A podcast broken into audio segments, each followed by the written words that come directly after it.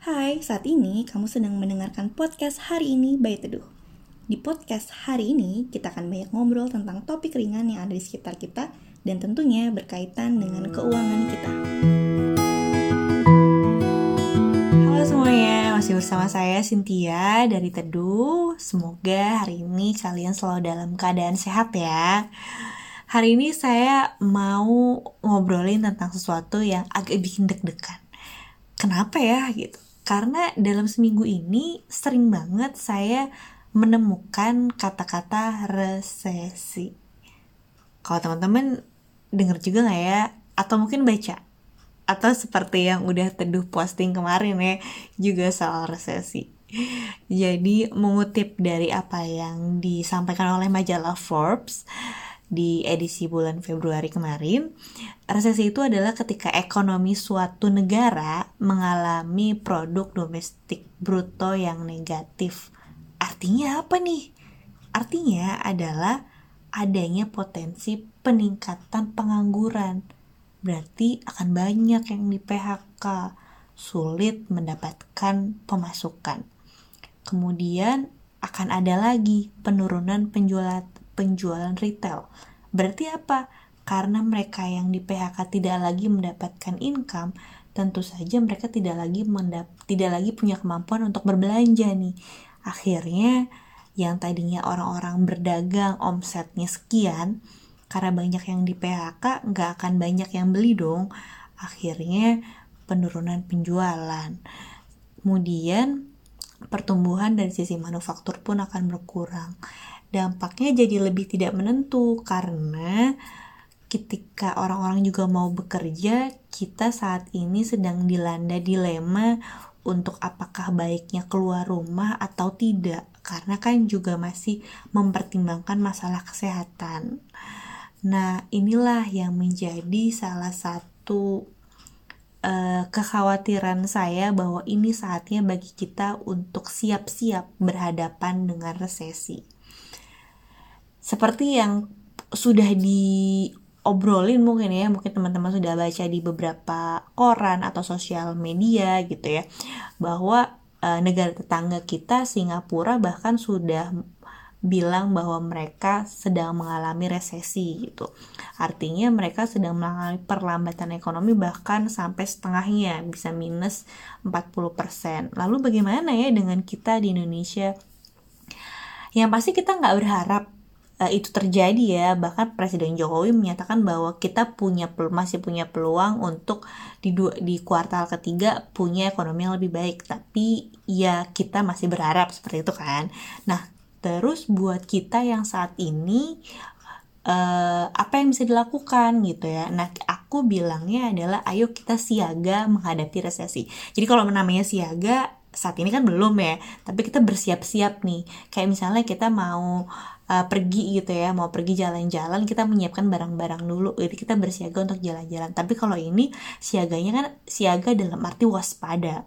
Waspada apa? Waspada bagaimana uh, nanti kalau misalnya resesinya ini berujung dengan sangat panjang. Atau mungkin kita adalah salah satu orang yang terdampak langsung. Contohnya adalah buat teman-teman yang saat ini uh, telah terdampak mungkin beberapa dari kalian ya uh, pemutusan hubungan kerja karena itu kan akan uh, sangat berdampak kepada kebutuhan ekonomi kalian kan tentu saja. Nah, sebelum itu terjadi adalah kita bisa mencegah gitu, mencegah adanya penurunan kualitas hidup selama masa resesi itu dengan menyiapkan dana darurat. Utamanya nih teman-teman ya, dana darurat itu adalah dana yang kita siapkan di sekitar minimal banget nih 3 sam 3 bulan sampai dengan 12 bulan. Nah, kalau aku menyarankan kita agak naikin dikit deh ya buffernya gitu ya.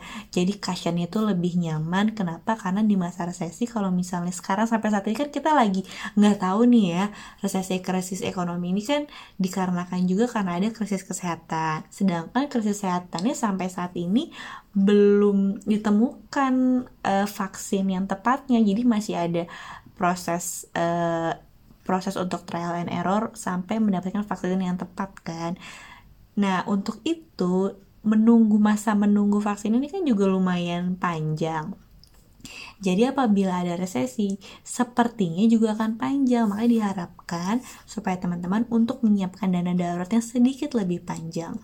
Nah, si dana darurat ini terutama adalah untuk kita bisa memenuhi kebutuhan pokok yang utama banget gitu ya. Jadi kalau namanya kita lagi susah ya, lagi puasa istilahnya, berarti kan di terbatas untuk yang benar-benar kita perlukan. Terutama yang satu adalah kemampuan kita ber, membayar hutang jadi jangan sampai ketika memang kita sudah istilahnya di PHK gitu ya susah mendapat pemasukan kita masih terkena lagi imbasnya adalah uh, kita nggak bisa bayar hutang dan akhirnya bunga berbunga gitu ya. Ini kan yang sebaiknya dihindari. Untuk itu makanya dana darurat yang kita miliki yang besarannya adalah sekitar 3 sampai 12 bulan ini wajib banget uh, termasuk di dalamnya kita berhitung soal kemampuan kita berbayar, berbayar, membayar hutangnya gitu ya. Jadi kalau kamu mau menghitung dana darurat itu adalah komponennya pembayaran hutang kamu, kemudian kebutuhan-kebutuhan pokok gitu ya, benar-benar yang pokok sama kebutuhan uh, yang uh, kebutuhan pokok mulai dari kebutuhan rumah tangga atau kebutuhan sekolah dan transportasi itu yang paling utama gitu ya uh, untuk investasinya gimana mbak ya kalau untuk investasinya mungkin namanya dalam keadaan darurat kita bisa stop dulu nih stop itu semoga sih kita berharapannya adalah kita tidak sampai mengambil uh, porsi investasi. Jadi biarkan investasi itu bergerak sampai dengan tujuan kita. Jadi kita, tapi kita stop dulu untuk membeli investasi baru gitu. Supaya apa? Supaya dana darurat kita yang penting terkumpul. Kita kan benar-benar lagi dalam posisi siaga nih ya gitu. Jadi ya memang uh, pendapatannya gimana mbak? Saya sedang mau mencapai nih dana, dana darurat saya. Saya mau mau mencapai 12 kali gitu. Nah itu sebaiknya ditaruh di mana Nah, penempatan dana darurat sebaiknya adalah ditaruh di tempat yang mudah tercapai gitu. Jadi mudah digunakan gitu ya, mudah digunakan kalau lagi ada kondisi darurat. Jadi tabungan misalnya atau di reksadana pasar uang tapi ya, jadi bukan reksadana yang lain. Uh, kemudian di falas misalnya misalnya uh, kamu punya dolar gitu bisa ditaruh di situ atau mungkin emas. Jadi bisa ditempatkan di beberapa instrumen tersebut. Tapi tentu saja minimal tiga kali pengeluarannya itu dimasukkan di uang tunai atau di tabungan gitu ya. Karena kan namanya ketika kondisi darurat kita sebenarnya mengurangi resiko untuk berjualan atau menjual aset itu seperti misalnya harus jual dulu reksadana pasar uangnya gitu harus jual dulu emasnya.